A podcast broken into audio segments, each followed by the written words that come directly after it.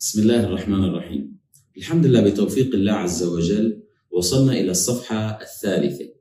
ونحن نحفظها ويعني نفسر هذه السورة الجميلة. فهذا بحمد الله وفضل الله عز وجل وهناك يعني من أتم الحفظ ويمشي بحفظ القرآن الكريم معنا إن شاء الله كل أسبوع صفحة لنكمل إن شاء الله. وبعون الله حفظ القرآن الكريم في بضع سنوات إذا الله عز وجل يسر الآن الصفحة الثالثة تبتدئ بقول الله تعالى وكذلك أنزلناه آيات بينات وأن الله يهدي من يريد. هذه الآيات البينات الله أنزل القرآن فيه دلائل واضحة وحجج بليغة تقنع وتشبع كل ما في الإنسان من حب للعلم والهداية والقرب من الله سبحانه وتعالى. وأن الله يهدي من يريد. الهداية بيد الله عز وجل. لذلك إذا كانت الهداية بيد الله فأنت أطلب الهداية من الله سبحانه وتعالى. أنت إذا أردت أن تشتري الذهب اذهب إلى بائع الذهب. إذا أردت الهداية أن تهتدي إلى الطريق الصحيح إلى الحق فهذا بيد الله عز وجل. فاطلبه من الله عز وجل. ونحن في كل صلاة نقول اهدنا الصراط المستقيم. نطلب من الله عز وجل أن يهدينا إلى صراطه المستقيم. نسأل الله أن يهدينا جميعا. الآن الآية التي تليها يقول الله تعالى إن الذين آمنوا والذين هادوا والصابئين والنصارى والمجوس والذين أشركوا إن الله يفصل بينهم يوم القيامة إن الله على كل شيء شهيد. الآن الصفحة التي قبلها ذكر الله عز وجل أصناف من الناس من يجادل بغير علم من يعبد الله على حرف المؤمنين الذين يعني يستعظمون أن الله سينصر رسوله الآن يذكر الله عز وجل أصناف البشر بشكل عام. يقول إن الذين آمنوا المؤمنين الذين آمنوا حق الإيمان بالله تعالى وبرسوله والذين هادوا اليهود والصابئين هؤلاء الذين يعني يعبدون الكواكب والنصارى والمجوس الذين يعبدون النار والذين أشركوا المشركون في زمن الرسول صلى الله عليه وسلم من العرب. كل هؤلاء إن الله يفصل بينهم يوم القيامة. فهذا الحق بيد الله عز وجل. هو يفصل بينهم هو يحكم بينهم. فلذلك الأفضل الانسان ما يتدخل في شأن الله عز وجل من سيدخل النار ومن سيدخل الجنة. هذا كله بيد الله. أنت مأمور بأن تنفذ أوامر الله عز وجل وتتبع هديه سبحانه وتعالى. إن الله على كل شيء شهيد. الله مشاهد ومطلع على كل شيء في هذا الكون. طبعا هنا الرؤيه ليست رؤيه البصر إنما رؤيه العلم. ألم تعلم يعني؟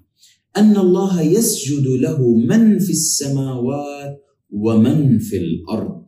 والشمس والقمر والنجوم والجبال والشجر والدواب وكثير من الناس وكثير حق عليه العذاب.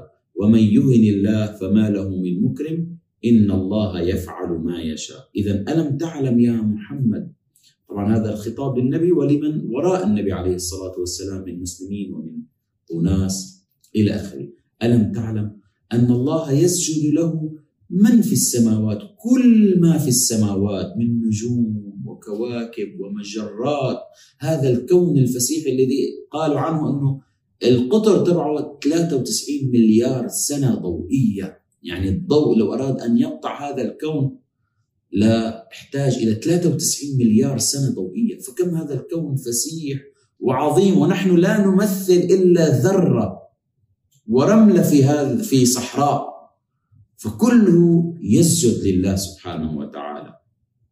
طبعا معنى السجود هنا هو الانقياد والخضوع لأمر الله عز وجل. فكل ما في هذا الكون خاضع لله عز وجل. من في السماوات ومن في الأرض. ثم خصص الشمس والقمر والنجوم يعني علاقتنا بهم لأننا نراهم. والشمس والقمر أيضا تنقاد الشمس والقمر لأمر الله والنجوم والجبال تنقاد لأمر الله عز وجل والشجر والدواب. طبعا تنقاد لأمر الله الذي أمرها بأن تكون مسخرة للإنسان. فهذا ملمح أيضا لطيف أن كل هذا الكون هذا الخلق البديع الله سخره للإنسان. فكم هذا الإنسان مكرم على الله عز وجل؟ الآن قال وكثير من الناس ما كل الناس وكثير من الناس يسجد لكن أيضا آه، وكثير منهم حق وكثير حق عليه العذاب استحق العذاب لأنه لم يسجد لله يعني لم ينقض.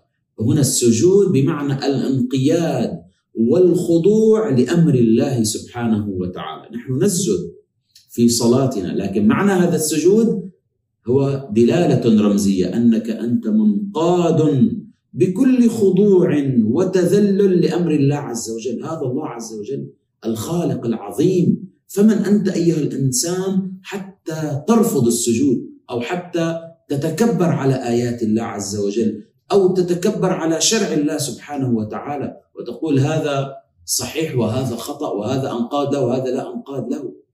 هذا منتهى يعني العقوق والبعد عن الله عز وجل. وكثير حق عليه العذاب. نسأل الله أن لا يجعلنا منهم. الإنسان يتبع قوانين المرور قوانين البلد. أن أحيانا أنت إذا زرت إنسان تراعي بيت هذا الإنسان. فكيف وأنت في مملكة الله عز وجل؟ فألا تخضع لله ألا تتبع أوامره. ومن يهن الله فما له من مكرم. يعني من أهان نفسه ببعده عن الله واستكباره على آيات الله هذا أهان نفسه وأهان يعني الكرامة التي كرمه الله بها. فهذا ما له من مكرم. إنه لا يذل من واليت ولا يعز من عاديت.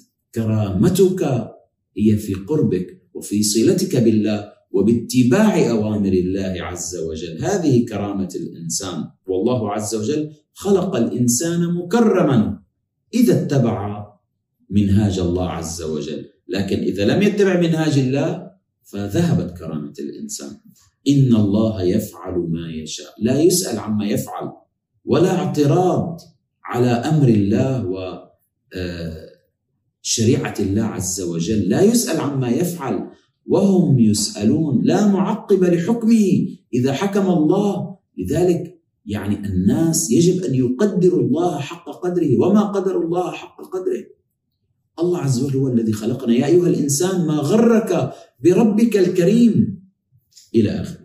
ثم ينتقل الله عز وجل إلى الآيات إلى فريق المؤمنين والكفار. هذان خصمان اختصموا في ربهم. فالذين كفروا قطعت لهم ثياب من نار يصب من فوق رؤوسهم الحميم. حينما أرسل الله نبيه محمد صلى الله عليه وسلم بالآيات وبالنور وبشريعة الإسلام اختصم الناس.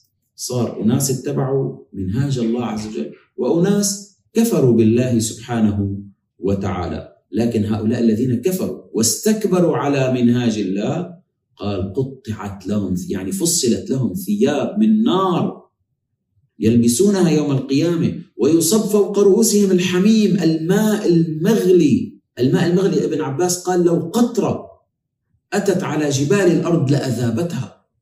يصهر به يعني يذاب بها هذه الماء المغلي أو الزيت المغلي. ما في بطونهم والجلود حينما يصب فوق رؤوسهم يصهر كل شيء ولهم مقامع من حديد. مقامع يعني صياط تضرب بها رؤوسهم. مقامع من حديد. كلما أرادوا هؤلاء أهل النار أن يخرجوا منها من غم يعني من شدة الغم والهم أرادوا أن يخرجوا من هذه النار. فقال ترفعهم النار فيقمع بمقامع من حديد وينزل إلى الأسفل وذوقوا عذاب الحريق. هذا كلام حق. هذا كلام الله سبحانه وتعالى في حديث النبي عليه الصلاة والسلام. لذلك هموم الدنيا لا تساوي شيء أمام ما أعد الله في الآخرة. في حديث النبي يقول يؤتى بأنعم أهل الأرض وهو من أهل النار. فيغمس غمسة واحدة في نار جهنم. بس غمسه ينزل ينزل ويخرج. فيقال هل رأيت خيرا قط؟ هل رأيت نعيما قط؟ فيقول لا والله ما رأيت خيرا قط. ويؤتى بأشقى أهل الأرض وهو من أهل الجنة. يعني إنسان فقير مريض كل المصائب فيه. فيغمس غمسة يوم القيامة في الجنة. فيقال هل رأيت بؤسا قط؟ هل رأيت شقاء قط؟ فيقول لا والله ما رأيت. إذا أمام ما أعد الله لنا الدنيا لا تساوي شيء لا فقرها ولا جوعها ولا غناها ولا ذهبها إلى آخره. الآن بعد أن ذكر الله عز وجل صنف أهل النار يذكر صنف المؤمنين الذين يعني آه، هذان خصمان اختصموا. إن الله يدخل الذين آمنوا وعملوا الصالحات جنات تجري من تحتها الأنهار يحلون فيها من أساور من ذهب ولؤلؤا ولباسهم فيها حرير. الله يدخل المؤمنين الذين آمنوا الإيمان الحق الإيمان الذي ينقلب إلى عمل صالح. جنات تجري من تحتها الأنهار. الحلي حليهم من الذهب ومن اللؤلؤ واللباس حرير. طبعا ما في الجنة أعظم من ذلك. لكن الله عز وجل يذكر لنا ما نعرفه الذهب والحرير. لكن في الجنة أعظم لأنه كما قال ابن عباس لا يوجد تشابه بين ما في الدنيا وما في الآخرة إلا بالأسماء فقط. لكن الجنة أعظم وأجمل وأحلى. نسأل الله أن يجعلنا من أهل الجنة. وأن ييسر لنا حفظ القرآن الكريم. وشكرا لمتابعتكم. السلام عليكم ورحمة الله وبركاته.